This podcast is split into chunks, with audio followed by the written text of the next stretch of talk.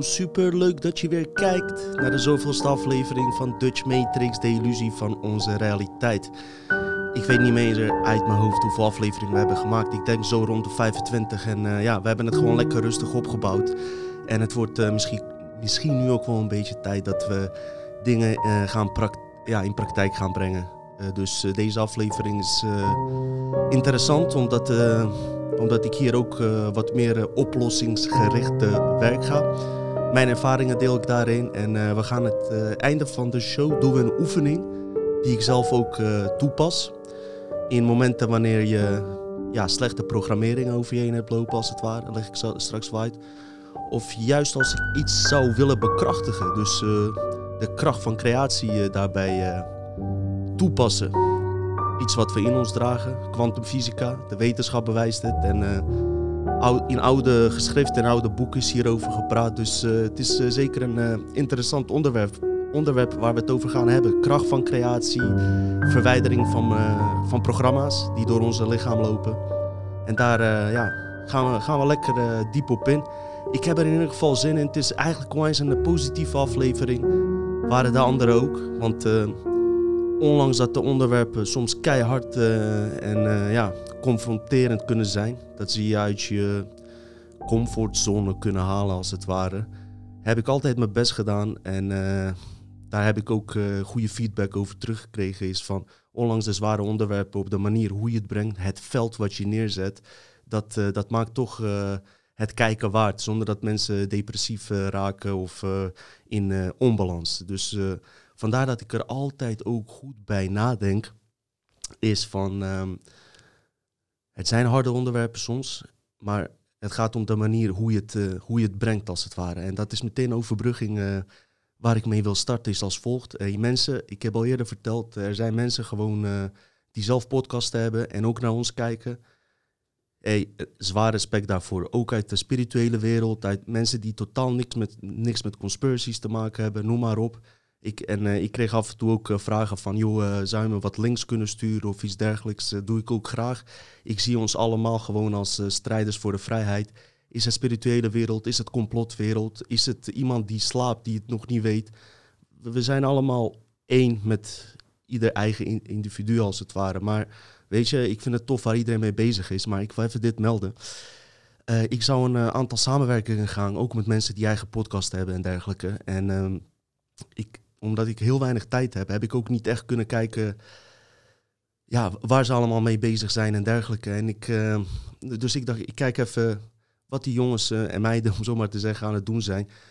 Nogmaals, super tof waar je allemaal mee bezig bent. Echt goed en alles. Maar ik, ik ga alle dingen cancelen die ik, uh, die ik heb afgesproken. Ik ga jullie uitleggen waarom. Dit is ook voorlopig, dus in de toekomst kunnen we zeker wat doen. Maar ik wilde dit even uitleggen. En deze aflevering is ook heel erg vind ik zelf van belang voor mensen die zelf een podcast hebben. Om eens misschien in de toekomst met, met wat dingen rekening te houden. En uiteraard, je moet je eigen ding blijven doen. maar je moet het, ja, je moet niks, maar probeer het een beetje, hoe moet ik dat zeggen? Goed nadenken op welke manier je het brengt. En ik ga je echt niemand de les voorlezen. Er zijn hartstikke goede podcasten. En uh, de een is wat minder interessant voor mij dan de ander. Maar uh, het, het gaat als volgt. Als we het over deze complot, deze zware onderwerpen hebben, en vooral dingen waar ik het over heb. Net wat ik net zei, ik probeer het op een luchtige manier neer te, uh, neer te zetten. Dat er gewoon een uh, ja, goed veld en energie eromheen hangt. Zodat je deze onderwerpen ook uh, wat beter kan absorberen en zonder dat je in depressie raakt. En nou heb ik gezien bij, bij een aantal mensen in hun podcasten dat het vaak een beetje dramatisch en ja, ehm, er hangt een uh, slechte sfeer erom, erin. Die, die voel ik, als het ware. Oké? En is het dan fout van die mensen? Absoluut niet. Ik begrijp ook als je net dingen ontdekt, dat je het ook graag wilt delen. En dat je zelf nog in je uh, zoektocht zit en alles. Maar ik zou zeggen, denk dan ook een klein beetje aan je, aan je publiek die kijkt. Want er zijn mensen die, die niet echt in hun balans zijn. En als ze dan zien dat jij als presentator want ik neem dit wel echt serieus, weet je. Dit, dit, is voor mij echt serieus geworden. En was het al van begin af aan. Maar ook dus een beetje denken aan de kijker. wat voor uh, sfeer laat je achter als die podcast afgelopen is. Dus het gaat dan niet eens zozeer of je de, uh, helemaal de juiste informatie hebt verteld. Ik maak zelf ook wel eens een foutje. Gebeurt niet vaak, maar ik betrap me er zelf ook op. Kan gebeuren. Maar het gaat erom, meer om van uh, wat voor gevoel laat je de kijker achter. En ik vind dat dat uh, zeer van uh, belang moet zijn, want ik word van heel veel podcasten niet, niet echt vrolijk, zeg ik je heel eerlijk. Dus echt ook nogmaals respect uh, voor diegene met wie ik heb afgesproken. In de toekomst kunnen we zeker nog dingen gaan doen, maar jullie staan op dit moment echt in het vizier. Weet je, jullie staan in het vizier. En ik ben echt niet bang om van YouTube afgetrapt te worden. Echt niet. Dat, dat heb ik al in die eerdere aflevering met Mickey van Leeuwen, Staatsvijanden, duidelijk gemaakt. Daar gaat het me niet om. Maar ik wil niet geconfronteerd worden Um, en gelinkt worden um, met, uh, met uh, rebelsachtige uh, taferelen. En daar beschuldig ik jullie niet van. Maar ik heb vanaf de eerste aflevering al gezegd dat mijn insteek niet is om zeg maar via politiek of via protesteren met dingen te doen. Mensen die dat wel doen, hartstikke goed. Ik ben blij en het is goed dat ze het doen. Alleen, ik heb een andere richting van benadering daarin gekozen. En wat ik heb gemerkt, is dat, uh, dat juist die mensen die daar op Malieveld staan, uh, heel veel, dat is gewoon zo, heel veel staan ook een beetje voor hun eigen, eigen ego. En dat, daar ga ik ook geen, geen namen bij noemen of wat dan ook. Maar uh, zomaar dingen lopen roepen zonder enige onderbouwing, daar sta ik niet achter. En dat geldt ook voor je podcast. Als je maakt, dit zijn zulke diepe onderwerpen die mensen ook kunnen raken. Probeer dan iets beter te onderbouwen. Niet dat ik het altijd goed doe, dat ga ik absoluut niet zeggen. Maar ik doe wel mijn best om zoveel mogelijk links en uh, zo rustig mogelijk op te bouwen, zodat het een beetje uh, logisch overkomt en niet paranoia. En dat klinkt nou raar voor iemand die over Draco Reptilians praat. Maar kijk hoe voorzichtig ik dit heb opgebouwd. Ik ben heel rustig begonnen bij politiek. Ik ben rustig naar die uh, geheime occulte genootschappen gegaan. Heel rustig heb ik het opgebouwd. En elke keer als ik het over de diepste, over de, de, de meest duistere dingen had, vertelde ik er altijd bij dat jij een goddelijk oneindig wezen bent die hier niet voor hoeft te vrezen en dat dit ook een ervaring is die we uh, doorheen lopen als het ware, maar dat je ook dus niet dood gaat gaan en dat soort dingen. Maar als je dat bijvoorbeeld uh, niet onderzoekt en er niet goed bij vermeldt en direct uh, zeg maar een verhaal neerzet zonder de kijker ook van te overtuigen wat zijn eigen kracht is, van zijn creatie en, en, en wat hij allemaal kan, zeg maar, dan komt dat uh, heel depressief over. En ik, ik let daar heel erg op. Nou, wat is het geval? Kijk, ze werken zo. Ik weet, YouTube heeft het op jullie gemunt. Volgens mij zijn er ook een paar die naar mij kijken ook verwijderd. Fucked up, ik vind het kut. Weet je? Ze hebben een vizier op jullie. Want als een normale YouTuber... Uh, raarste filmpjes plaatst met, uh, ik noem maar wat, plus- en min-draadjes die die test op zijn, uh, op zijn testicles en, en kijken wat er dan gebeurt. Of zijn balhaar dan overeind gaat staan of iets dergelijks. Oh, dan is dat allemaal grappig, dat mag allemaal, allemaal komisch. Zodra het over complotten gaat, ben je gewoon de lul. Dat weet ik, daar zijn we ons allemaal van bewust.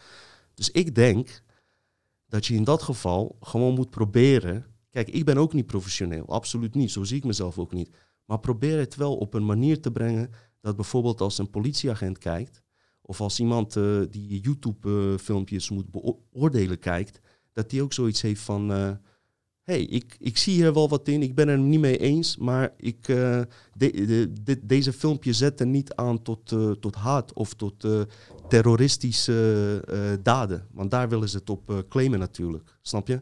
Dus daar moet je erg op letten. Dus in de toekomst gaan we zeker wat mij betreft dingen doen. Maar op dit moment zijn jullie zo zwaar in het vizier. En ik weet hoe het werkt. Zodra ik uh, daartussen kom, word, word ik daaraan gelinkt. Het gaat niet om mij, want ik heb er echt scheid aan. Maar het gaat over deze onderwerpen die ik van ontiegelijk belang vind. Om dit zo normaal mogelijk naar voren te brengen. En dat ik niet, uh, zeg maar, in het... Uh, bij, bij Arjan Lubach ineens verschijn met de tekst... ze gaan allemaal neer. Begrijp je? Daar moet ik even voor waken. Dat zegt mijn gevoel. Ik werk uit gevoel. En uh, op dit moment zegt mijn gevoel dat, dat ik daarvoor moet uitkijken. Want uh, sommige van jullie, kunnen jullie zelf niks aan doen, staan gewoon onder controleprogramma's, zoals dat heet. En uh, ik, ik moet daar gewoon waakzaam in zijn. Ben ik er bang voor? Niet. Absoluut niet.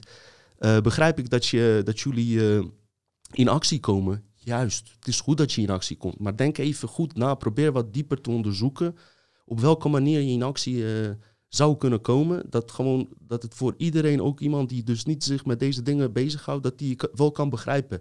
En dat je dan niet geframed wordt als een uh, uh, potentiële, hoe noem je dat? potentiële terrorist, als het ware. Want dat deden ze toen ook met moslims, als bijvoorbeeld een of andere uh, imam uit, uh, uit de bergen, zo, uh, weet je wel, rare dingen liep van alle christenen, alle ongelovigen, alle ongelovigen moeten dood. Dan werd dat filmpje als propaganda ook in Nederland gebruikt, zeg maar. Waardoor islamitische mensen hier in Nederland, de Marokkanen, Turken en weet ik wat, wat allemaal nog rondloopt, daarop werden aangekeken.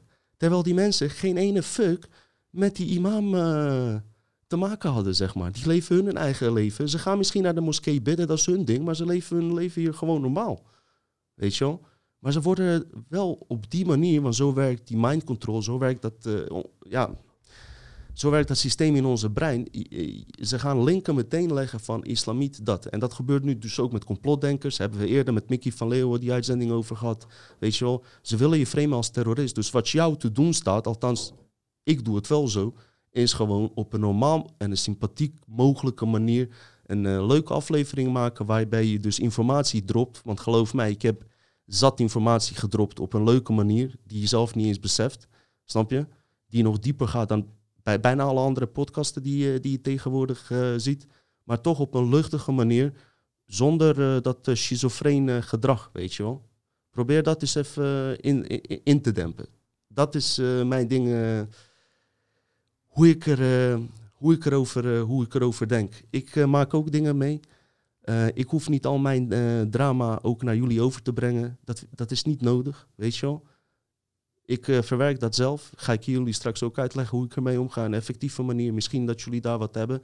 Dus probeer gewoon je informatie te brengen. En probeer gewoon je kijker gewoon een gevoel te geven. Dat het gewoon leuk is om naar je te kijken als je klaar bent. En niet dat ze denken van ja, uh, interessante informatie. Maar ik voel me nu nog, nog meer uit uh, balans, weet je. Dus dat wou ik even vermelden. Kijk, als ik uh, bijvoorbeeld heb over de Truman Show, die film van Jim Carrey, dat in die film iedereen een acteur blijkt te zijn in die film, dan is dat niet letterlijk zo. Het is een metafoor eigenlijk zijn we wel ook mekaars acteurs in dit leven, maar dat is op een dieper level die je nu niet kan beseffen, oké? Dus het is niet zoals jij naar de naar, uh, boodschappen gaat doen bij Albert Heijn en dat kassameisje doet uh, bij de hand uh, tegen je dat je een mondkapje op moet doen en jij loopt weg, boos weg of wat dan ook, dat op het moment dat jij wegloopt, dat dan het decor in elkaar wordt gezet of uit elkaar wordt gehaald en iedereen naar huis gaat, want hun job is voor die dag gedaan. Ze hebben hun acteerwerk uh, verricht wat ze moesten doen. Nee, dat is dus niet zo. Die mensen staan zelf ook onder een uh, controleveld in, in angst en dergelijke, waar we voorgaande aflevering over hadden. Dus ze zijn niet letterlijke acteurs. Natuurlijk zijn er ook acteurs in ons leven. Natuurlijk zijn er in de politiek mensen die dit bewust doen. Maar er zijn er ook zat die gewoon werkelijk niet doorhebben dat ze ons aan het naaien zijn. Hebben ze niet door, want zodra je politiek inkomt, kom je om kom je in een bepaald bewustzijnsveld. En als je niet aangesloten bent op dat bewustzijnsveld wat daar heerst, kom je ook niet in de politiek. Zo slim is het in elkaar gezet.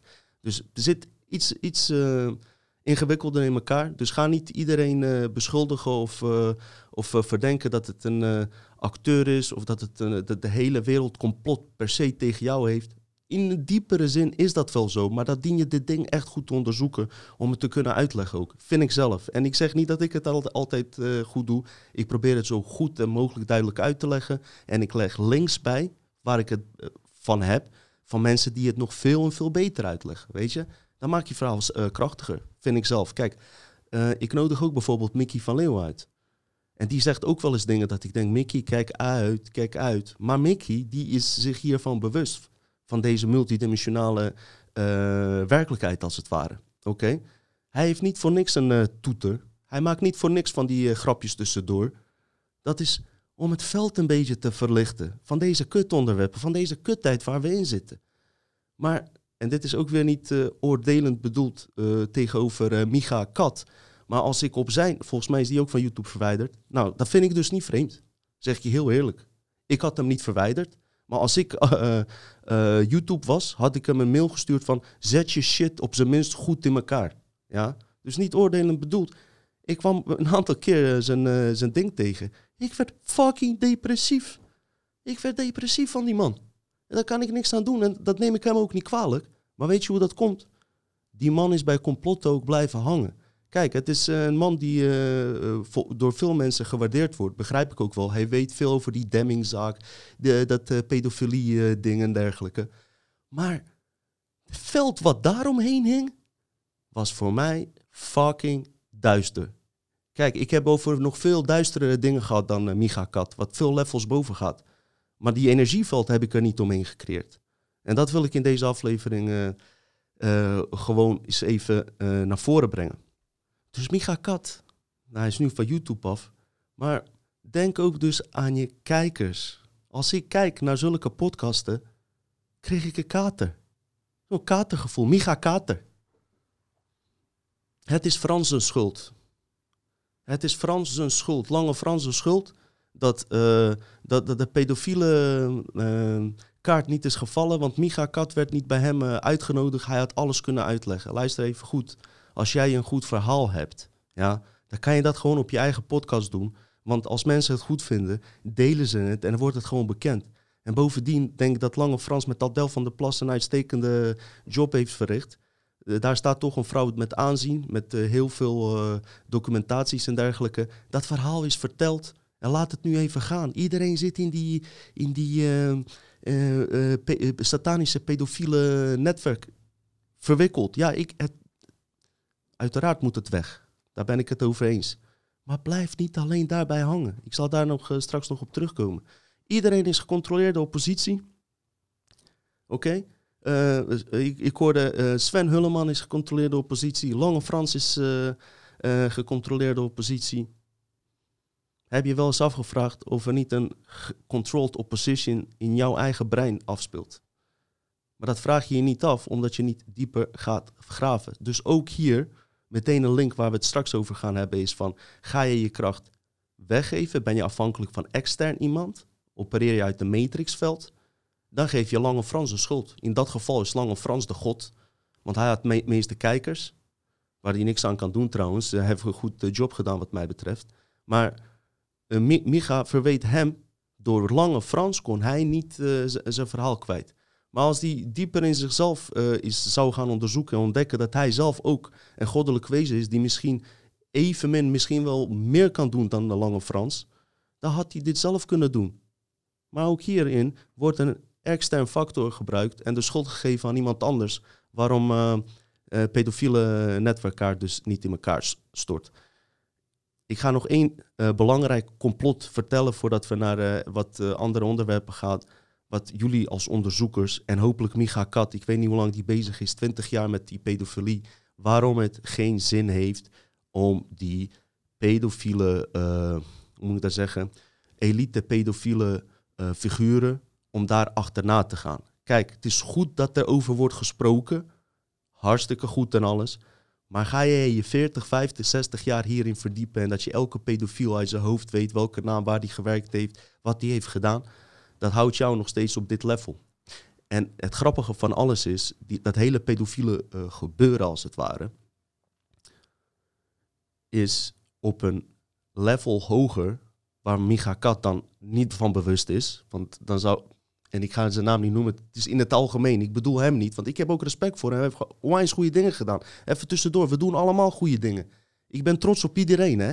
Geen uh, verwijzingen of uh, slechte woorden. Laat het even duidelijk zijn, weet je wel. Ik wil niet nu een slechte veld creëren door specifiek hierover te praten. Maar ik geef hem even als voorbeeld wat er gebeurt als je alleen maar met complotten bezighoudt. Wat, wat er dus gebeurt. Kijk, die kinderofferingen op één level, inderdaad, heb je die elite die dat doen.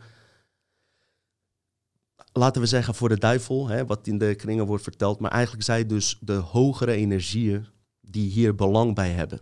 Op het moment dat jij al die pedofielen oppakt, ja, elite pedofielen, dan zullen die hogere energieën gewoon andere figuren uitkiezen die dit voor ze gaan uitvoeren. Want het draait om het volgende. Het draait om het sacrale veld, sacrale energie wat ze nodig hebben. Sacraal en sacrifice. Oké? Je hebt uh, sacrale energie dus. Dus je hebt de tweede chakra volgens mij. Dat uh, bevindt zich ergens een paar centimeter boven je schaamhaar daar ergens, als je dat hebt tenminste. Eh, ik heb gehoord dat veel spirituele vrouwen uh, dat wel hebben, dat ze daar geen rekening mee houden. Op zich niet erg, weet je wel, maar uh, zeg dat dan wel van tevoren, weet je. Zeg dat van tevoren. Hier, dat bedoel ik. Goed, um, even terug naar het onderwerp. Wat is die sacrale energie, tweede chakra? Hier, de, de kleur die dit sacrale chakra heeft, is oranje. Het reguleert de energie die verband houdt met passie, plezier en sensualiteit. Wanneer het sacrale chakra uit balans is als gevolg van traumatische levenservaringen, ervaar je een vervelend, een, een veelvoud aan fysieke, emotionele, psychologische en interpersoonlijke problemen. Oké, het brengt narigheid sowieso met zich mee. Maar wat hebben de hogere krachten voor belang bij offeren van kinderen bijvoorbeeld. Oké, het is een hard onderwerp, weet je. Ik ga je alleen even een hoger, dieper level vertellen wat daarachter zit. Zo en zo dient, ik weet niet of het elke keer per se een kind moet zijn. Het dient in ieder geval een wezen te zijn van een goddelijk veld. Ja? Dus een NPC, een robotachtige wezen met kunstmatig bewustzijn, heeft geen nut om te offeren. Waar heeft dat mee te maken? Is als volgt omdat wij die goddelijke scheppende wezens zijn, wij zijn uh, dus scheppers die deze hologram ook in stand houden. Zodra wij in dit lichaam treden, als ik het even goed globaal uitleg, laten wij een soort van morfide uh, uh, scheppingslaag achter. Ja? Op het moment dat de persoon wordt geofferd, kijk aan zijn ziel hebben ze niks, want die is onsterfelijk. Dus persoon wordt geofferd, het ziel gaat weg, maar het draait om die morf, uh, energie uh, die je achterlaat in jouw lichaam. Dat is die uh, scheppingsenergie als het ware. Nou, die hogere krachten hebben deze energie nodig om dit hologram in stand te houden. Even heel globaal gezegd. Dat is het verhaal van dat, dat is dat hele verhaal van dat nut van offer en waarom het nodig is. Zij hebben daar dus figuren voor nodig die dat doen hier op aardslevel, omdat ze het blijkbaar zelf niet kunnen door bepaalde redenen. En ze maken een deal. Dat is die deal met de duivel. Om deze matrix in stand te houden naar hun wensen, uh, dien jij uh, dus uh, deze ziekmakende rituelen uit te voeren. Je krijgt van hun macht en dergelijke terug. En iedereen is blij. Nou, wat gebeurt er? Iedereen wil van die kinderoffering af. Wie niet? Oké? Op het moment, wat ik ook in de vorige aflevering zei, op het moment dat wij uh, gezamenlijk ontdekken hoe wij via hartfrequentie, en dat kan, uh, zeg maar een collectief veld maken, waardoor wij, uh, even kort globaal gezegd, zelf weer controle kreeg, krijgen over deze matrix, plus onze eigen kwantumveld die we in gaan zetten, waardoor, deze, waardoor wij echt de power over deze matrix krijgen, die krachten zullen zich voor hun eigen belang terugtrekken. Omdat zodra wij ontdekken wie wij zijn, en zij weten donders goed hoe machtig wij zijn. Zodra wij ons dat herinneren, gaan zij voor hun eigen veiligheid weg. Niet dat wij hun iets zouden aandoen, maar hun controle valt weg. Dus eh, op het moment dat zij zich uh, terugtrekken, zal, zal die uh, kinderoffering verdwijnen. Want dat was de grootste doel van, van het instand houden van hologram. Dus dit is mijn ver, verklaring daarvoor. Ik hoop dat je er wat aan hebt. Het kan je jaren onderzoekswerk besparen. Ga liever dieper kijken. Ga liever in die kwantumfysica en kracht van creatie waar we het straks uh, over gaan hebben. Oké, kracht van creatie. We gaan eindelijk even aan de slag. En uh, even een, een, een begin, misschien een opzet voor mensen die er niks van af weten. Modernste wetenschap heeft ontdekt, vooral in de laatste jaren, dat ons bewustzijn zeer krachtig is. Dr. Imoto heeft aangetoond bijvoorbeeld dat wij met ons bewustzijn invloed hebben op water. Dus het water, informatieveld dat zich in het water bevindt, wordt anders op het moment dat een mens dat observeert. En als je diepe kwantumfysica gaat bestuderen, en dat hebben wetenschappers gedaan, en zij hebben ontdekt dat wij eigenlijk uh, volledige controle hebben over onze realiteit. Wil je daar wat meer van weten? Onderzoek kwantumfysica. Ik ga er nu een beetje vanuit uh, dat je een beetje weet hoe dat verhaal werkt. Een beetje wat in het boek The Secret staat. Ik ga het even uh, op, een, uh, op een manier uitleggen met mijn eigen ervaringen. Ook al ben ik geen life coach, denk ik toch dat ik dit met je kan delen, omdat je informatie krijgt die jouw eigen life coach niet eens weet. Dus luister naar het volgende. In de vorige aflevering, je gaat altijd van eh, eh, twee dingen uit. Externe en interne kracht. Hebben we in de vorige aflevering over gehad. Externe kracht. Ben je afhankelijk van een externe god, externe universum, matrixveld. Interne kracht, om het zomaar te noemen. Jouw ware zelf, uh, je diepgaande zelf, komt uit het kwantumveld. En de, de, de ehm, handelingen in je dagelijks leven komen dus van binnenuit, zonder invloeden van buiten. Oké, wat is het verschil? Bid jij naar buiten, naar een God of naar een universum, om iets in je leven uh, uh, gedaan te willen krijgen, dan gaat dat extern via het matrixveld. Dat gaat via je brein. Dat is die Neuralink van Anunnaki, die zeer geavanceerde Neuralink van Anunnaki. Via daar gaat dat. En zij hebben volledige controle over jouw wens. Het, het is fucking uh, bijna uh, psychopathisch, of hoe je dat ook noemt, schizofreen wat ik tegen je zeg. Maar ga er maar vanuit dat ieder apart wordt gemonitord. Die techniek hebben ze. Ja? Het is Neuralink 500.000 jaar in de toekomst ontwikkeld, oké? Dus ze hebben gewoon, ze geven je ook mooie dingen via die denkveld, wil ik niet zeggen. Maar via het kwantumveld is het oneindig en daar gaan we nu uh, meteen heen. Kwantumveld, uh, als je daar, daar vraag je niet, daar bid je niet, daar geef je een opdracht, een command.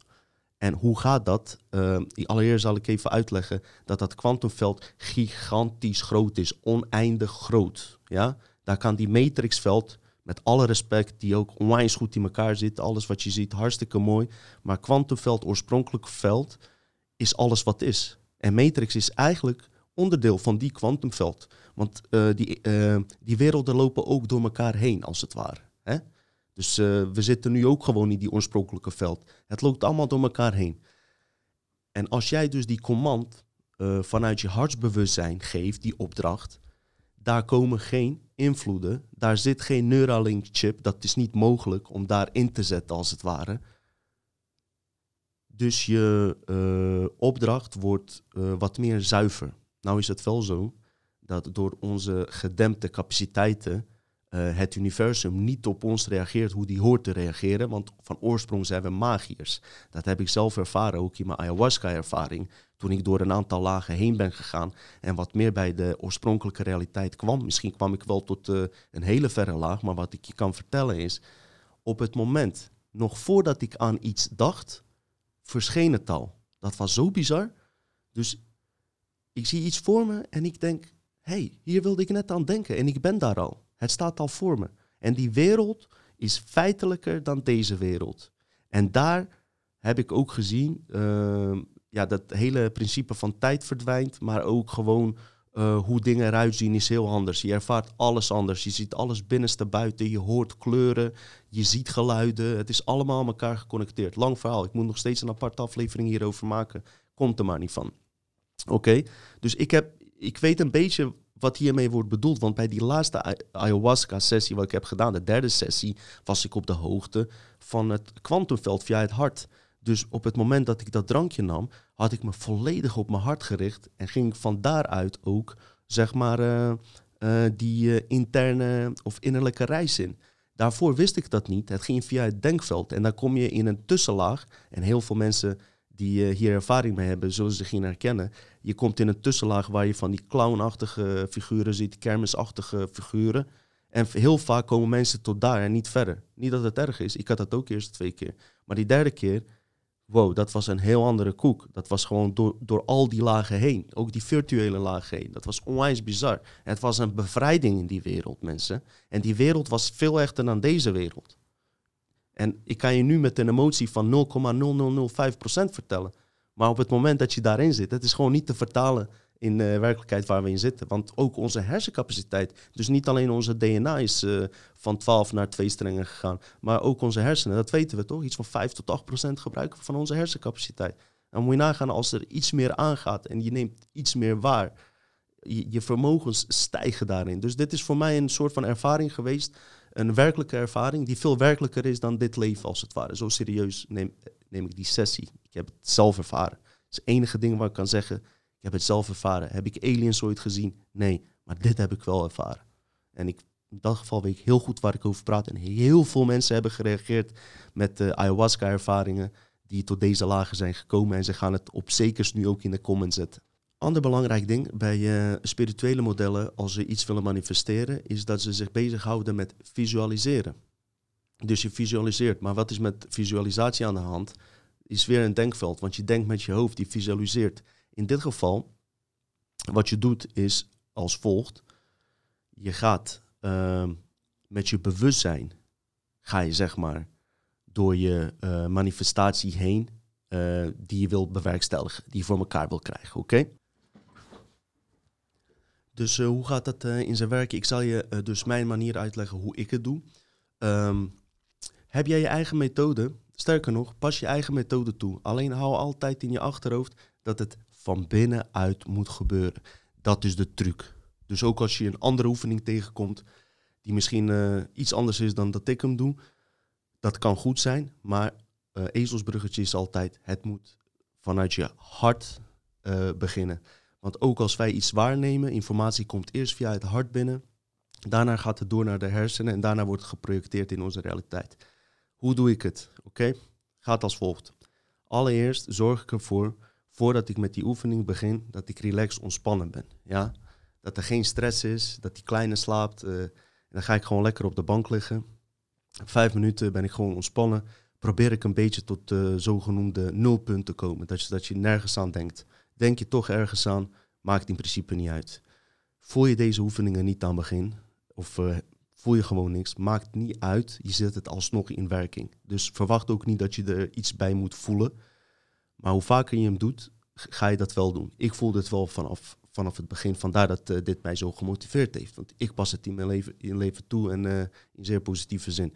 Dus wat, hoe, hoe gaat dat in, is als volgt. Je bent dus ontspannen. En wat doe je dan? Je gaat gewoon liggen. Je hoeft niet in een yoga houding. Je gaat gewoon liggen of zitten. Je zorgt dat je spieren ontspannen zijn.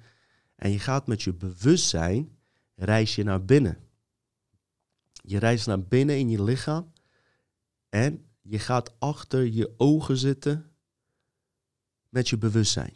Oké, waarom doe je dat? Omdat jouw lichaam, en daar komen we straks uh, uh, nog bij, gaan we het herhalen, die uh, moet eerst als het ware gezuiverd worden. Want daar zitten gewoon programma's doorheen. Als jij je kloten voelt of uh, goed voelt, dat voel je gewoon aan je lichaam. Dus wat je dan doet, is gewoon met die bewustzijn die binnen in jou zit. Dus je stelt je het ook echt voor dat je achter je ogen zit. Bij het hersenkamertje waar alles gebeurt in je brein. Dat, dat jij daar gewoon dan letterlijk met je bewustzijn controle over neemt. Waarom bewustzijn? Omdat dat is gewoon kwantumfysica werkt. Want uh, menselijk bewustzijn brengt alles in balans. Dus ook die programma's worden in balans gebracht die in je lichaam zitten. Hoe breng je ze in balans? Door met je bewustzijn te reizen door heel je lichaam allereerst. Dat doe je. Je gaat van top tot teen ga je, uh, door heel je lichaam. Einde van de show doen we een oefening. Dus uh, je hoeft dat nu niet te doen, maar ik leg je technische verhaal daaruit. Wat ik belangrijk vind voordat ik een oefening doe. En je hoeft trouwens met die oefening niet mee te doen. Je kan gewoon meekijken en zien wat je ervan vindt. Dus je hoeft niet per se mee te doen. Hallo. We leven nog steeds in een vrij land, hoop ik. Oké, dus je bent naar binnen. Je, hebt, uh, je bent door heel je lichaam gegaan. Uh, je, hebt weer controle over je lichaam. Wat je dan doet. Maar je bent tegelijkertijd nog steeds. Uh, ben je ook ehm, achter je ogen in de hersenkamer in je hoofd. Wat je dan doet, even heel globaal, is vanaf je hoofd reizen naar je hart. Op het moment dat je naar je hart gaat, wat ik doe, ik probeer contact te maken uh, met mijn hart door met mijn bewustzijn daarin te gaan. Ik voel dat dan ook, soms niet, soms wel. Dat maakt dus niet uit. En dan uh, stel je je voor, je hoeft niet te visualiseren, maar gewoon voorstellen dat er een achterkamertje in je hart zit. En daar zit de verbinding met het kwantumveld wat zich in de vijfde dimensie bevindt. Dus wat je dan eigenlijk doet, je geeft een opdracht van hetgene wat je gemanifesteerd wil krijgen. Maar je gaat gewoon vooral, uh, uh, je richt je vooral op de emotie. Dus je, je brengt het in woorden, maar je stelt je ook voor hoe het is om die boot, dat huis te hebben of noem maar op. Wat je ook wenst, uh, geluk, wat ik meestal wens. En dan geef je de opdracht om dat in te laden. Vervolgens um, ga je met die informatie die je gedownload hebt vanuit je hart. Daar kan je, met, daar kan je zelf mee spelen, hè? maar ik doe het met ademen dan adem ik die informatie vanuit het hart, dus komt uit het kwantumveld, wat, wat niet uh, verstoord wordt, adem ik in, gaat het door naar mijn brein. Hè? Want als het in je brein is, wordt jouw brein uh, sowieso ook als het ware gezuiverd van de programma's. Want daarvoor ben je al met je bewustzijn in geweest. Maar dan kan het brein, die moet dat dan projecteren in deze realiteit. En dat is een hele andere manier dan, dan we normaal gesproken gewend zijn. Dus dat is even globaal gezegd uh, hoe ik deze oefeningen doe. Ik heb een eerdere aflevering gemaakt, uh, Hart met uh, Hartsbrein. Ehm, aflevering over belang tussen, balans tussen je hart en je brein. Wat onderzoekers hierbij ontdekt hebben. En dat past supergoed met, met het ding waar ik mee bezig ben. Ik zou je zeker aanraden om die aflevering eens te zien. Om eens echt van echte wetenschappers en doktoren te horen hoe dit werkt. Belang van het hart, hoe het effect heeft ook op mensen om je heen. Dat is allemaal gemeten en bewezen. Het komt er eigenlijk op neer waar de truc in zit, is denk goed na, of denk niet na, voel na wat je nou werkelijk diep van binnen wil. Want het gaat om die emotie. Het gaat in principe niet om de wens die je wil hebben. Het gaat om de emotie uh, die, het, uh, die het teweeg brengt. Dus wat voel jij als je die bepaalde auto of boot hebt, of uh, noem maar op wat je wil bereiken? Hè? Wat voor gevoel geeft dat? Oké? En ik kan, me, ik kan je een voorbeeld geven. En dit is echt typisch. Uh, ik lijk nu wel die ene irritante Chinees die in de YouTube-reclame ziet. Die het zogenaamd gemaakt heeft. Ik heb het helemaal niet gemaakt. Maar datgene wat ik wilde maken, heb ik wel gemaakt. Dus het is niet zo dat ik gigantisch rijk persoon ben. Of überhaupt rijk. Ik heb het goed. Ik heb geen zorgen. Mede dankzij kwantumfysica. It's amazing, Mike.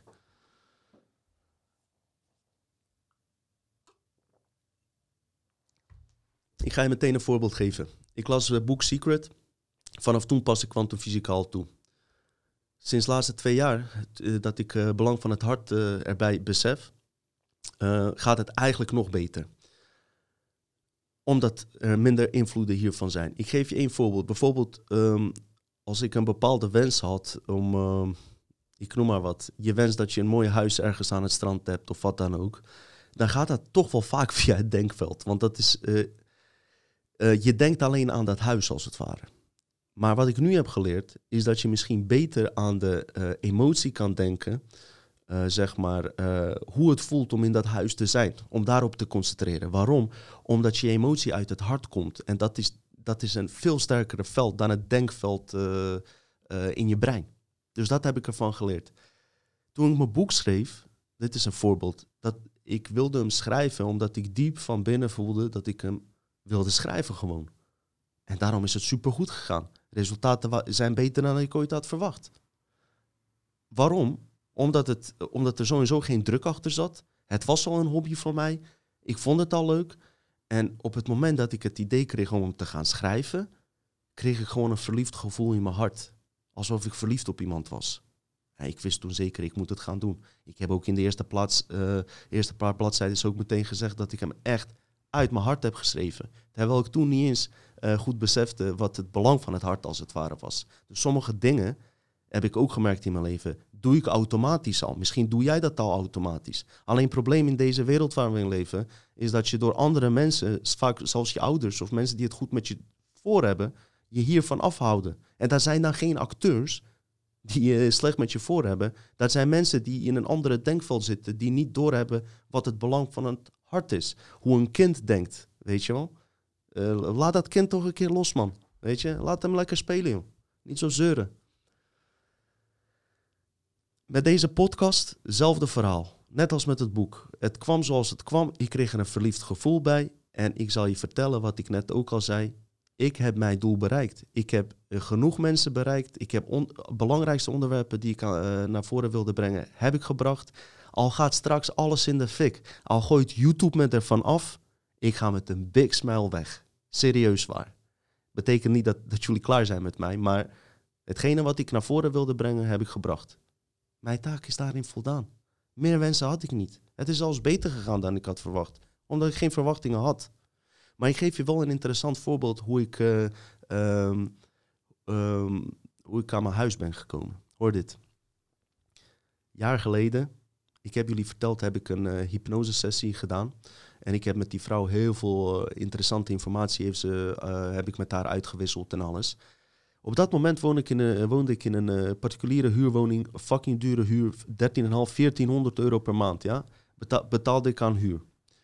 Uh, huizen, gekkenhuis, uh, weet je wel, mensen overbieden hier in Leiden omgeving gewoon, ze gooien gewoon 50.000 euro bovenop. Als een huis voor 300.000 staat, ze gooien 350.000 euro alleen maar om dat huis maar te krijgen. Dat is dat schaarste gevoel, weet je. Ik wilde daar zo niet in meegaan. Maar wat er wel gebeurt, is ook bij andere mensen, uh, dus ook bij mij, is dat, dat, dat je soms vergeet wat de kracht van je eigen creatie is. Het vervaagt gewoon door al die afleidingen, door al die programma's. Je moet werken, je moet hierheen, je moet daarheen. Ik was dan, uh, soms ben ik uh, ook weer te veel met complotten bezig waarvoor dit vervaagt. Daarom zei ik al, ik wil zeker niet bij complotten houden. We moeten hier naartoe, mensen, als je het mij vraagt. Ik wil liever geassocieerd worden als een spiritueel, uh, spiritueel is niet goed, maar een, een, een, een podcast uh, die, die je beter maakt als het ware. Of iets in, in die trant, dan dat ik in een complothoek word gezet. Dat, dat heb ik liever. Maar dat betekent niet dat ik uh, die onderwerpen niet wil bespreken, weet je wel. Maar uiteindelijk draait het wel hierom. Goed, voorbeeld hiervan. Wat gebeurt er? Bij mij was het vervaagd en ik ook dacht, ja, ik ga niet eens meer naar huizen zoeken, want het is schaarste. Iedereen overbidt elkaar. Dit is pas een jaar geleden, anderhalf jaar geleden. Hè? Dus uh, weet je, dat, je gaat toch weer in het systeem van het uh, matrix-denkveld en je denkt, het kan niet, het kan niet. Ik had met die vrouw gepraat en we hadden natuurlijk over kwantumfysica, eigen creatie. En door die hypnose ben ik ook misschien onbewust wat uh, dieper bij mijn diepere zelf gekomen, weet je wel. En ik kom thuis, ik denk, hè? Waarom maak ik mij druk of ik een huis ga vinden? Ik ga gewoon een huis vinden die ik nodig heb. Ik ga gewoon op Funda kijken en ik ga hem gewoon vinden. En interesseert me niet of, uh, of andere mensen 50.000 uh, overbieden. Ik voelde ook gewoon, ik ga hem vinden. Ja hoor, ik ga internet op. En mijn eisen waren niet simpel, hè. Want ik had een huis nodig met een studioruimte. En uh, kijk, dat kan je wel vinden voor 5, 6 ton. Maar in deze prijsklasse waar ik zit, is dat uniek. Dus het was ook nog een huis die aan bepaalde voorwaarden moet voldoen. In deze gekke tijd. Ik kijk, Funda, ik was er niet eens vijf minuten op. En ik vind een huis met een uh, kantoorruimte. Perfect voor deze podcaststudio. Want ik was toen al uh, van plan om uh, dit podcastding te doen. Dus daarom had ik die uh, studio nodig. Ik kijk dat huis. Ik dacht, wow, dit is hem. Ik liet hem nog aan mijn vriendin zien. Zij zegt, ja, dit is precies wat we moeten hebben. Zij was verliefd. Ik was verliefd op dat huis. Ik bel ze dag later op. Kunnen we komen kijken voor een bezichtiging? Nee, je bent net te laat. Hij is verkocht. Dus ik denk bij mezelf, ik was heel koppig. Dit is denkvol, hij is verkocht. Maar mijn hartfrequentie, die stond nog aan. Die reageerde dus niet op het uh, antwoord van hij is verkocht. Dag later, ik voelde gewoon dat dat huis al uh, van mij was op een of andere manier. Ik besloot vier, vijf dagen later, hier uh, in de buurt was, is er een uh, speeltuin. Ik dacht, ik ga met die kleine van mij expres. Ik verwissel vaak van speeltuin. Ik wil hem niet elke keer naar dezelfde speeltuin brengen. Ik dacht, ik ga expres naar die speeltuin waar, waar het huis is. Een week later was het. En ik ga daarheen en ik zie dat nog steeds het bord te koop daar staat. Ik dacht, ik ga die makelaar weer bellen. Ik bel de makelaar. Ik zeg, joh, ik bel voor de tweede keer. Ik wil niet vervelend zijn, maar uh, staat, uh, het staat dat die nog te koop is. Ze zeggen, het is ongelooflijk. Het huis was verkocht. We zouden net alles gaan tekenen. krijgt, die man was een expert uit Engeland. Kreeg hij net een bericht van zijn, van zijn baas dat hij ontslagen was. Hij moest terug naar Nederland, want hij zou hier tijdelijk komen werken. Ik dacht, hier, zie je, ik heb dus het controle over, over de, volledig controle over deze situatie. Doe maar een bod.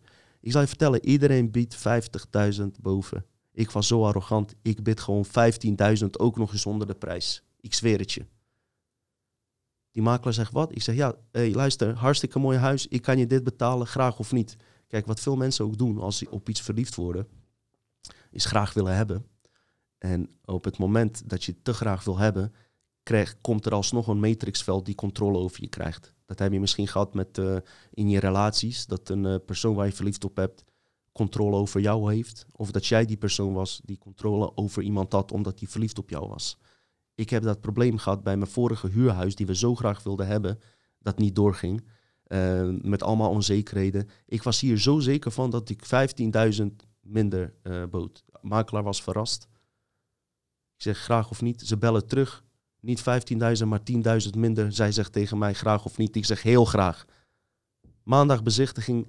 Voor het eerst in ons leven hebben we überhaupt een bezichtiging gedaan. Vrijdag was alles geregeld, was het huis verkocht. Ik vind het wel een mooi voorbeeld om te laten zien uh, hoe dit gaat, als het ware. En het is echt niet toeval. Ik kan je nog zat andere dingen noemen. En dat is precies wat jij uh, uh, als, als een, een scheppend wezen ja, kan toepassen in jouw realiteit. En dit dient ook onderzocht te worden voor jezelf als je er weinig van af weet. Want je, ik kan je niet in, in mijn podcast daarover over, informeren, omdat het veel te lang duurt. Maar je kan dit en wetenschappelijk en spiritueel en religieus kan je het gewoon aan elkaar mengen en zien dat dit zo werkt. En uiteindelijk gaat het om je eigen ervaring. Als je het gaat ervaren dat het bij jou werkt, weet je wel, dat het universum op jou reageert, dat, dat het in, überhaupt zo werkt. Dat je over, over een persoon hebt die je lang niet hebt gezien met iemand en een dag later belt die persoon jou. Dat is, ja, je zou het toeval kunnen noemen, maar je zou kunnen nadenken of het niet uh, iets is wat jij in een script hebt veranderd. Heel interessant. Oké, de, uh, een deeltje van verwijdering programma's. Voordat we hieraan gaan beginnen, zal ik je ook meteen uitleggen. Uh, dit is geen uh, verwijdering van programma's. Ik ben van programma's af en ik ben van alles af. Ik ben klaar. Nee, er worden constant programma's in ons gegooid. Uh, het is niet erg, het gebeurt constant bij mij, bij iedereen. Het zijn uh, vaak uh, gedachten die door je heen stromen die niet van jou zijn. Maar het is fijn te weten dat ze niet van jou zijn. Daarom is het interessant om dit te onderzoeken. Ik ga weer twee voorbeelden geven hoe je bijvoorbeeld met negatieve dingen kan omgaan. En dat is het mooie aan het eind als we die oefening doen kan je dus zowel je manifestatiekracht toepassen, dus als je iets wil bereiken, of als je je ergens slecht over voelt, kan je diezelfde oefening doen om daar iets aan te doen. Spirituele wereld zegt van als je je slecht voelt, slechte gedachten hebt, niet aan denken. Even heel globaal uh, gezegd hoor. En die uh, modellen werken vaak ook wel, maar ze worden, wat ik zei ook in de vorige aflevering, een chantagemiddel voor hogere krachten. Noem mij maar gek. Ik weet waar ik het over heb. heb interne kracht, dus als je het intern doet, op manier hoe ik het uh, bedoel, is juist die negatieve energie benaderen. Laten zien dat je er bent. Waarom zou je bang zijn als jij goddelijk wezen bent die alles uh, hier heeft gemaakt? Waarom zou je bang zijn voor iets wat van jou uh, afkomstig is? Toch? Je gooit je bewustzijn doorheen. Je laat zien dat je er bent. Je toont autoriteit gedragen vanuit hartfrequentie. Niks mis mee hoor. Ik ga hier ook even een voorbeeld geven wat er bij mij gebeurde. Net voordat ik de podcast eh, begon, in de tijd wanneer ook toen corona kwam. Oké? Wat er gebeurde is als volgt. Ik weet niet, nog steeds even niet, of het uh, het corona uh, software was die in mij ging. Of dat het überhaupt gewoon slechte energieën waren die mij wilden ontmoedigen deze podcast te beginnen ben ik nog steeds niet over uit. Het boeit niet, want het kwam rond dezelfde tijd. Misschien waren het beide. Maar ik kreeg een uh, bepaalde energie binnen. Dat ik me gewoon iets van tien dagen gewoon een beetje kut voelde. Maar ook niet heel slecht of zo. Maar ik was voor 20% niet mezelf. Een beetje ontmoedigd en dergelijke. En zelfs in de eerste twee, drie afleveringen die we hebben gemaakt, had ik dat gevoel. Je zit het misschien niet, maar ik was niet lekker in mijn vel hoe ik hoor te zijn. Hoe ik nu ben bijvoorbeeld. Ik ben nu super lekker in mijn vel. Ook omdat we over deze onderwerpen praten. En niet over die satanische pedofielen bijvoorbeeld. Snap je? Dat heeft er allemaal mee te maken. Dat is veldwerk. Oké? Wat er gebeurde is als volgt. Die oefeningen van Martijn van Staver in dit geval, die ik volg, die, uh, die legde uit ook uh, hoe je dus met deze uh, negatieve energie, hoe je dat in je lichaam kan herkennen en gewoon kan balanceren door je bewustzijn doorheen te gooien. Gewoon kwantumfysica. Dat is het gewoon. Maar het probleem bij mij was dat ik, um, zeg maar, tussendoor gebeurden er ook weer dingen die een nog een extra gevoel bij mij opriepen. En uh, ik dacht dan, daar heb ik dat programma verwijderd. Weet je wel, ik heb bijvoorbeeld een uh, akkefietje gehad met Sjaak. Dan denk ik aan, hey, ruzie met Sjaak. Oké, oké, ik ga er doorheen weg. Maar dan is die trilling niet weg. Snap je? Het gaat om het gevoel die het opwekt. Dat gevoel wat ik had, het was telkens dezelfde trilling, dezelfde energie, ook als ik wakker werd, die in mij zat. Die was niet heel positief, maar ook niet dat, ik er veel last van had. Maar ik wil gewoon, lekker, gewoon zoals, zoals ik nu ben, zo wil ik, me gewoon voelen. Klaar, altijd. Waarom zou dat niet uh, kunnen, weet je wel? En het duurde en het duurde tien dagen. En ik zit, het, was, uh, het begon net lente te worden. Dus dan heb je, ik zat hier in de, in de tuin. En het, het begon zeg maar avond te worden. En de lucht werd heel mooi paarsblauwig. En ik zag die zon onderstaan. En ik kreeg ineens, bam, op een of andere manier van binnenuit leek wel of mijn hart uh, uh, begon te branden op een positieve wijze, alsof die aanstond. En ik kreeg ineens een ingeving, bam, je hart staat nu zo goed aan, we gaan aan die energie werken. Wat deed ik? Ik ging weer naar binnen met mijn lichaam en ik deed mijn ogen dicht. En ik ging gewoon in mijzelf, ging ik uh, dat programma detecteren, opzoeken met mijn bewustzijn. En hoe doe je dat? Gewoon dat gevoel dus niet, niet uh, je hoofd van weghouden, maar juist opzoeken en benaderen. En ja hoor, ik vind die trilling gewoon. Ik vind hem. En ik, enige wat ik zeg is van, hallo, ik ben er ook. Hoe is het? Ik maak kennis met die trilling. En ik moest daar ook lichtjes bij lachen op een of andere manier. En wat ik zag, ja, in die, die trilling, dat waren soort van, ik zag een soort van zwart-wit beeld. Op het moment dat ik kennis maakte met die trilling, zag ik zwart-wit beeld, zag ik twee, drie van die kwallen, een beetje rondgefotoachtig. Alsof dat die programma's waren die in mij zaten. En op het moment dat ik kennis daarmee maakte en autoriteit toonde vanuit hartskracht en dat ik controle over mijn lichaam had, zag ik ze zo verdwijnen. En ik kreeg door dit programma, alsof ze communiceerden onder elkaar, het werkt niet meer. Het verdween. Fucking bizar. Drie dagen later op Netflix zie ik Matrix 3. Ik dacht, die film heb ik nooit afgekeken. Het was drie of ja, derde deel. En daarin zag ik diezelfde kwallen als robotachtige programma's die soortgelijke functie volgens mij hadden. Ook, wat, wat ook met uh, mind control en uh, dergelijke te maken had. Zeg, hé, hey, dat is bizar dat ik zo ook zag. Betekent het iets? Weet ik niet. Maar het is bizar. Vooral dat uh, twee, drie dagen later weer mijn vriendin thuis komt. Ze had allemaal bloemetjes gehaald, leuke wel. En ze zegt, en ik heb haar dit dus niet verteld, hè. Ik heb dit niet eens aan mijn vriendin verteld. Ze zegt, schat, ik heb ook iets voor jou gehaald. Ik zeg, wat dan? Kijk eens. En toen liet ze deze zien. Nou, dit is een kwal die gevangen is, als het ware. Ik weet niet eens of het een echt is of niet. Als het een echt is, is het best wel uh, sadistisch misschien om dit te hebben. Maar maakt niet uit. Dus het is bizar, weet je. Ook dat, uh, wat ik hiermee wil uh, uitleggen is ook... Dit is ook dus hoe je een programma dus verwijdert... maar hoe het universum en hoe alles op elkaar ook reageert. En dat is het ding wat we sterker moeten maken. We moeten zorgen dat, dat die reacties uit het veld weer terugkomen. En dat gaat gebeuren. Wat ik al vertelde, bepaalde mensen ergens op de wereld, um, hoe meer mensen hiervan op de hoogte zijn en die toepassen, zal het collectieve veld sterker worden. Dat is de oplossing voor ons uh, als mensheid. Maar misschien moet je eerst bij jezelf beginnen, toch? Beter milieu begint bij jezelf. Ook iets waar ik een paar dagen geleden, uh, en dat dit kan misschien heel belangrijk zijn, ook uh, voor jou als kijker, als het om vaccinaties gaat. Een paar dagen geleden was een vriend van mij hier. Hij zit in de taxiwereld en hij vindt deze dingen heel erg interessant ook. Maar hij zegt, Dino, luister, als ik straks verplicht ben om vaccinatie te nemen, moet ik wel, want anders ben ik mijn baan kwijt. Maar toch vind ik het kut om dat ding in te spuiten. Ja, het is zo kut. We moeten ook zorgen dat we het niet doen. Hè? Laat ik dat ten eerste zeggen. Maar stel je voor dat je moet nemen. En luister, we zijn allemaal gevaccineerd. Hè? weet ook, ik, heb er ook zat gehad hoor. Dat kan je ook merken aan mijn gedrag misschien soms. Maar goed, um, hij zegt, ja, wat doen we dan? Wat, wat je dan doet, als het echt moet, ja, op het moment dat je die vaccinatie in je krijgt, ga met je bewustzijn naar binnen, ja, en zorg dat je autoriteit over je lichaam hebt. En via de oefening die ik straks ga laten zien, ga je leren hoe het werkt. En op een gegeven moment dat je die vaccinatie binnenkrijgt, maak je direct kennis met die trilling met die in die vaccinatie zit.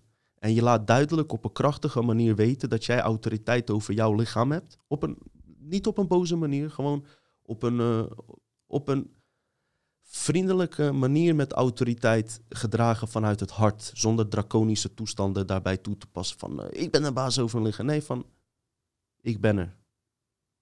En geloof me, als je dat op deze manier uh, zeg maar doet, zal het zeker een veel betere uitwerking hebben dan dat je zeg maar uh, met tegenzin gaat inspuiten en het gevoel hebt dat je besmet bent of wat dan ook. Want dan ga je het zelf ook erger maken. Dus ik hoop dat je hier wat aan hebt gehad. Wie weet kom ik in een situatie dat ik het ook echt moet doen. Dat weet ik niet.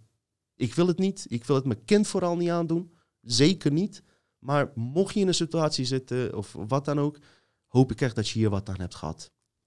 Als ik, uh, voordat ik een podcast maak, zoals bijvoorbeeld vorige week bij die aflevering uh, Nieuwe Aarde, het land van, land van ooit, beloof ik zeg maar deze aflevering, terwijl ik helemaal niks heb voorbereid.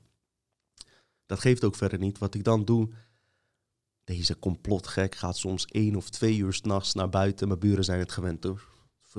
Die, die weten dit. Um, ga ik gewoon naar buiten, ga ik rondje lopen. Oké? Als ik buiten ben, komen er inspiraties. En komen er ook de inspiraties, onderwerpen en manier hoe ik het veld erin zet in de podcast, komt zeg maar ook dan automatisch naar boven, zonder dat ik daar enige druk achter zet. Dus wat bedoel ik daarmee? Ik ga naar buiten en ik ga gewoon. Ik, ik weet dat er een podcast uh, gaat komen. Hè? Ik weet dat er een aflevering gaat komen. Maar ik maak me niet druk dat ik per se iets moet bedenken. Maar ik ga gewoon loop, loop, loop en bam. Ineens komen er bijvoorbeeld ideeën of gebeuren er dingen dat ik denk van ja, hé, hey, dit is het, dit is het. En dat gebeurde ook hier ter voorbereiding op deze podcast. Ik dacht bij mezelf, hoe kan je mensen uh, het beste uitleggen uh, wat ja, wat de kern is van deze podcast verhaal. Wat, wat ik eigenlijk, wat, wat belangrijkste boodschap is als het ware. Op het moment dat ik daaraan dacht, wilde ik oversteken bij het stoplicht hier om de hoek. Maar het is twee uur s'nachts. Geen auto's, niks. Ook in de verre verte niet. Die stoplicht staat op rood. En ik ben mijn eigen autoriteit, toch? Ik ga toch niet naar die stoplicht uh, mij laten bepalen wanneer ik ga oversteken, weet je wel? Dus wat doe ik? Ik, ga, ik steek gewoon over. En net op het moment dat ik ging oversteken, ging een stoplicht op groen. Niet vreemd, waarschijnlijk automatische stoplichten, dus geen wonder. Maar ik kreeg wel daardoor een ingeving van, hé, hey, dit is het. In plaats van dat ik dus op extern iemand wacht en daarna luister, doe ik het precies andersom. Dat extern iemand luistert naar mij. Dus stoplicht reageert op dat moment op mij ik niet op de stoplicht. En dat is precies volgens mij uh, uh, het slotstuk, uh, slotstuk van deze aflevering. Is zorgen dat jij niet afhankelijk bent van een externe universum, God of wat dan ook. Dat jij daarvan afhankelijk bent dat diegene, universum of God, jou een groen lichtje moet geven. Nee, jij bepaalt zelf wanneer je iets doet, waardoor het universum op jou zal reageren. En dat moeten we gezamenlijk doen. Weet je, en dit, dit, dit vergt uh, enig onderzoek en alles. Maar ik zie hier echt oplossingen in. En er gaan mensen in de toekomst komen die hier wat uh, duidelijk, uh, duidelijker over gaan praten. En dieper over gaan praten. Ik, ik doe ook deze keer in de links een beetje dezelfde oefeningen die ik ook bij de vorige aflevering in de links heb gedaan. Zodat je ongeveer de oefeningen weet. Nogmaals, er zijn zat mensen die vergelijkbare oefeningen hebben. Dus je hoeft niet per se dit aan te houden. Maar hou altijd ook in je leven, ook alles wat je doet, is van. Uh, omdat, omdat alle informatie dus eerst via het hart gaat en daarna doorgaat naar het brein, is van dat het van binnenuit gaat. Ik heb ook iets gezien van Schumann-resonantie, waar mensen heel erg over te spreken zijn. Ik heb er niet veel van onderzocht, maar zodra het van welke, uh, al is het de zon of wat dan ook, factor gaat die van buitenaf naar binnen gaat, daar ga ik persoonlijk niet mee. Ik wil iets wat van binnenuit naar buiten uh, gaat. Ook heb ik niet veel hierover uh, opgezocht. Ik ga ook iets over die Schumann-resonantie opzoeken. En mensen die dat doen, ook goed. Ik ga ook geen discussie voeren wie wel of niet gelijk heeft. Maakt allemaal niet uit. Onderzoek het zelf. Maar blijf in gedachten houden dat, dat die autoriteit van binnen moet komen. Dus als we het in dat geval over een zon hebben, denk dan naar die zon die van binnenuit hier zit. Want de rest is matrix. Die zon hier is matrix hoor. Is een matrixzon. Goed hierbij. Mensen, er is genoeg informatie gedeeld. Afgelopen uh, podcasten zwaar diepe informatie. Mensen zijn daar super blij mee. Uh, ik, weet, ik kan je nog gigantisch veel dingen vertellen. Gaan we ook doen. Maar wat ik doe is bewust nu eventjes een pauze daarin. Je kan nu een beetje je eigen onderzoek doen. Even alles relativeren. Um, ik hoop je met deze aflevering... Uh, wat uh, kracht te kunnen hebben gegeven. En vooral na deze oefening, dat je ziet op welke manier ik het doe. Uh, wie weet, uh, heb jij er wat aan? Kan je het mengen met jouw eigen onderzoeken, eigen dingen? Dus het, het is iets positievers geweest. Uh, ook voor die podcasters die nu in een, in een lichte paranoia misschien zitten en, en gechoqueerd zijn door nieuwe dingen die ze ontdekken. Allemaal begrijpelijk, allemaal begrijpelijk. Probeer het voor jezelf eerst te relativeren voordat je het op scherm zet. Maar wat ik ook wilde zeggen, er zijn ook zat goede. Uh, en niet, het gaat hier niet om goed of slecht.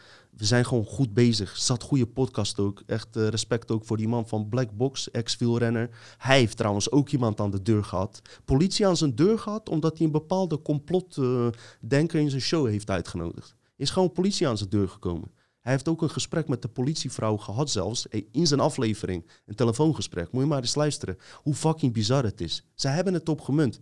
Maar het is niet zo dat die politieagent het op jou gemunt heeft. Die moet ook gewoon orders uh, uitvoeren. Ja? Het is ook lastig voor die mensen, die hebben ook een hypotheek en alles. Dus zorg ervoor als je een podcast maakt, dat je ook die politieagent die misschien twijfelt, dat je hem ook aan het denken zet, weet je. In plaats van tegen hun te gaan rellen en uh, te, te, gaan protesteren of wat dan ook, weet je. Ik heb van begin af aan gezegd, ik zie daar niks in. Ik wil daar ook niet mee uh, geassocieerd worden. Dat zeg ik gewoon heel eerlijk.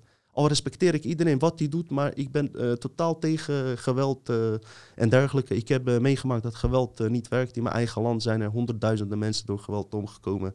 En uiteindelijk zijn we allemaal de pineut daar ook niks beters op geworden. Werkt hier ook niet. Zijn allemaal draconische, draconische oorzaken met draconische gevolgen, als het ware. Mensen, superleuk dat jullie hebben gekeken. Nog even wil ik zeggen, binnenkort komt Def P, man, van Osdorp Possie. Die man is ook onwijs lang bezig met deze onderwerpen. Hij heeft een album gedropt met, uh, met zijn maten. Ik ben even hun namen kwijt. Uh, ik weet niet of ze van ons door Postie zelf zijn of uh, dat het andere mensen zijn. Perceptie, Deceptie. Album, misschien kan je hem nu al luisteren. Die man is ook met fucking mooie kunst bezig. Wist ik niet eens. Hij weet veel van deze onderwerpen. Dus het is super tof dat als hij hier binnenkort langskomt, dat we gewoon een beetje een relaxed, chille aflevering maken. Luchtige aflevering. Kijken wat die man te melden heeft, als het ware. Mensen, we gaan uh, uh, in principe nu naar de oefening en daarna is de show gewoon over. Dus ik neem bij deze hier ook uh, afscheid van jullie. Het zou super fijn zijn dat je deze oefening hoort, weet je wel. Als je mee wil doen, kan je ook erin meedoen. Kijk voor jezelf. Het is alleen handig dat je dus ehm, ook het technische verhaal daarvan weet. Die heb ik je geprobeerd net uit te leggen. Nogmaals, mij dank voor het kijken. Jullie zien ons uh, uiteraard weer gauw verschijnen. Groetjes. Voordat we gaan starten, dat je ja, mag best wel onderwerp in uh, paraat hebben waarvan je zegt, nou dit is nu heel actueel in mijn leven op dit moment, nu. Het veld dat is best wel dominant. En uh, ja, dat neemt al behoorlijke leiding. Dus dat overschaduwt eigenlijk alles een bepaalde gedachte. Of überhaupt de gedachten die steeds aanwezig zijn. Maar het kan ook iets zijn waarvan je zegt van nou, het is iets positiefs. Ik wil graag dat waar ik nu heel sterk mee bezig ben, dat wil ik graag belichten. En ook goed inladen in het hoofd en ook goed in contact brengen met het hart, zodat ze dat vergroten kan. Dus het is aan jou of het nou een werkend onderwerp is, of dat het iets is wat nou, ik ga het lekker vergroten. Ik laat het lekker aan jou. Dus dan leg je ogen dicht, als je het wilt. En richt je op jezelf. Goed je voeten neerzetten. En ook uh, voelen dat je benen ontspannen op de grond staan. Kijk dat je lichaam zo goed mogelijk van het slot af is. Tenminste als dat beperkend voelt. En dan ga je met je aandacht uit de omgeving naar binnen toe. En dan kom je aan, aan, aan in je hoofd. Dus alles wat er buiten je lichaam is, dat is op dit moment gewoon niet belangrijk. stel jezelf voor dat je aanwezig bent in de bovenste verdieping, dus in dit geval je hoofd. En het bevindt zich dus echt letterlijk tussen je oren.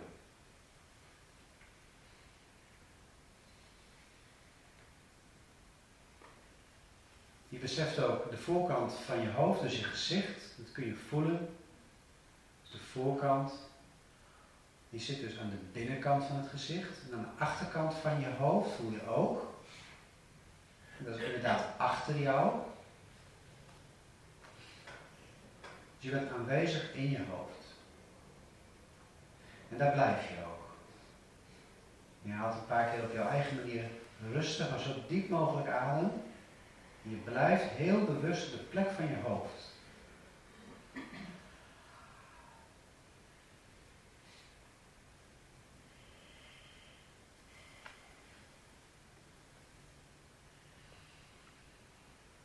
En je mag jezelf echt wel realiseren dat je met je bewustzijn, met je voorstellingsvermogen, aanwezig bent op de plek waar alles wat er gebeurd is in het leven ligt opgeslagen.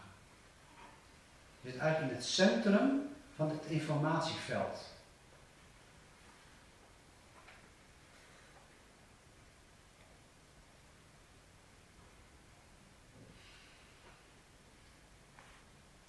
En dan laat je nu tevoorschijn komen het onderwerp waarvan jij zegt, hier wil ik op dit moment in aanwezig zijn. Of het iets positiefs is of niet, maakt niks uit. Laat het maar komen.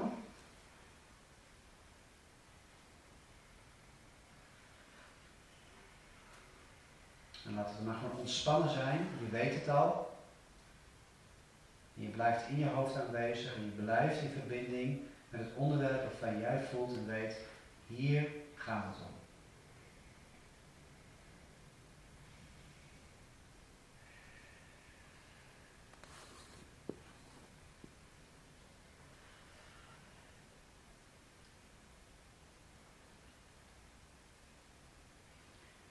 Je blijft dus in je hoofd aanwezig, maar je voelt wel vanuit je hoofd de rest van je lichaam. Je voelt je schouders en je rug, je buik, je billen, je benen, je voeten, ook je armen. Bent je volledig bewust van alles wat er onder jou is, onder je hoofd. Maar je blijft, je blijft boven aanwezig.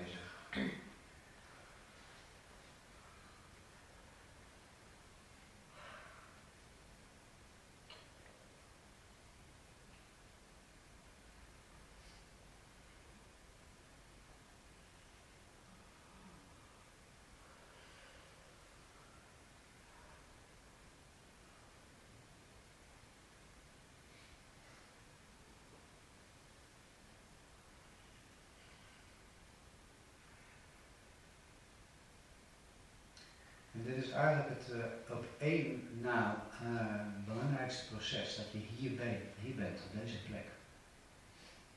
Je kan je ook rustig een sessie ophouden voor jezelf van een kwartier. Gewoon je lichaam voelen, aanwezig blijven in je hoofd en het onderwerp waar het over gaat, je bewustzijn, naar al die trillingen lopen door elkaar heen. Er zit dan ook in de kracht van de aandacht die je voor jezelf hebt. En zo trillen die programma's, die trillen op een gegeven moment mee op jouw aanwezigheid. Ze worden dus uit het format van trauma gehaald en als het iets positiefs is, worden ze bekrachtigd.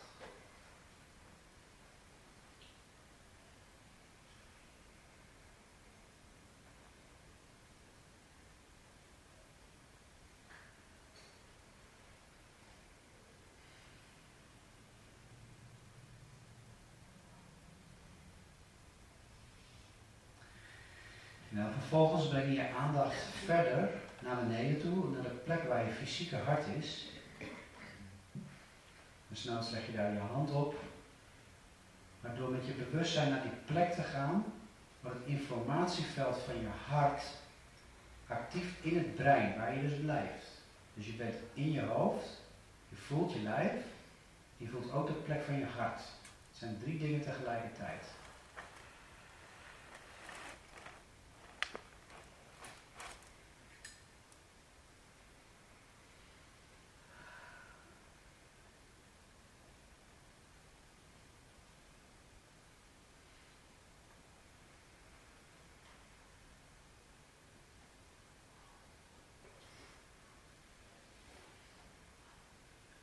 Ik nodig je ook uit om dat ook gewoon thuis liggend te doen, dat je lichaam ontspannen is. En dat je ook bij deze bekrachtiging blijft, want jij bent degene die dat doet. Dus je moet niet in slaap vallen. Je moet helder, maar ook zo goed ontspannen mogelijk aanwezig zijn.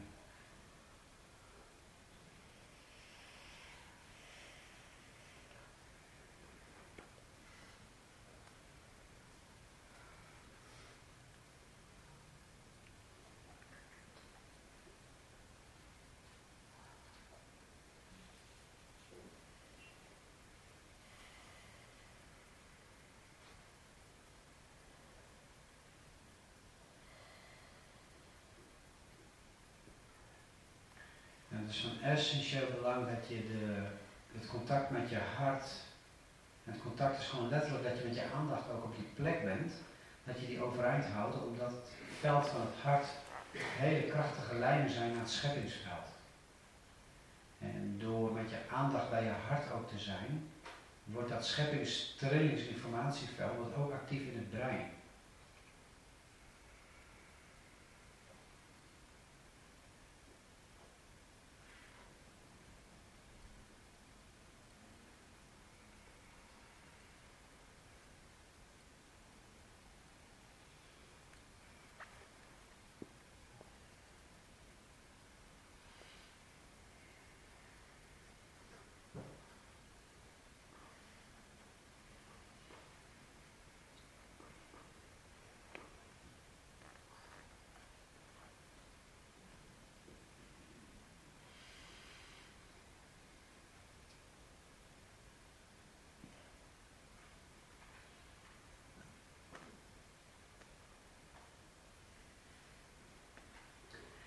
Als je dan met je aandacht bij je hart ook nog een keer doorreist naar wat je ten diepste in jezelf voelt, waar je voor gaat in dit leven, welke trilling, welke emotie, welke krachten zijn in jou aanwezig, die jou vertellen wat vrijheid is en die jou vertellen waar je gelukkig en sterk en krachtig van bent.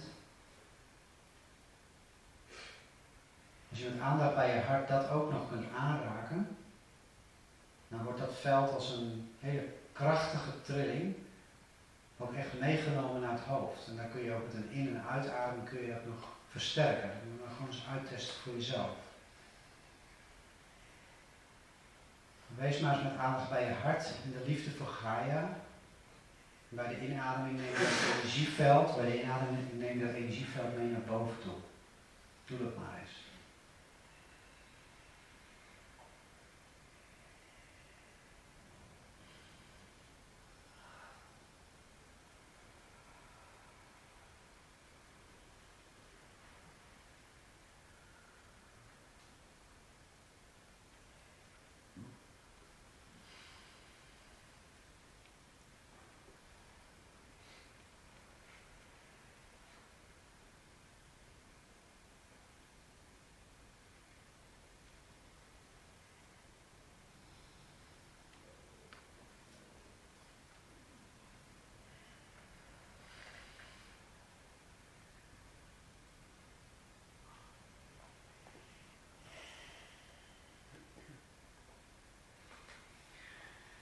En dan doe je je ogen gewoon open. Niks af te bouwen of iets uh, weg te schuiven. Zo kun je in deze werkelijkheid zijn.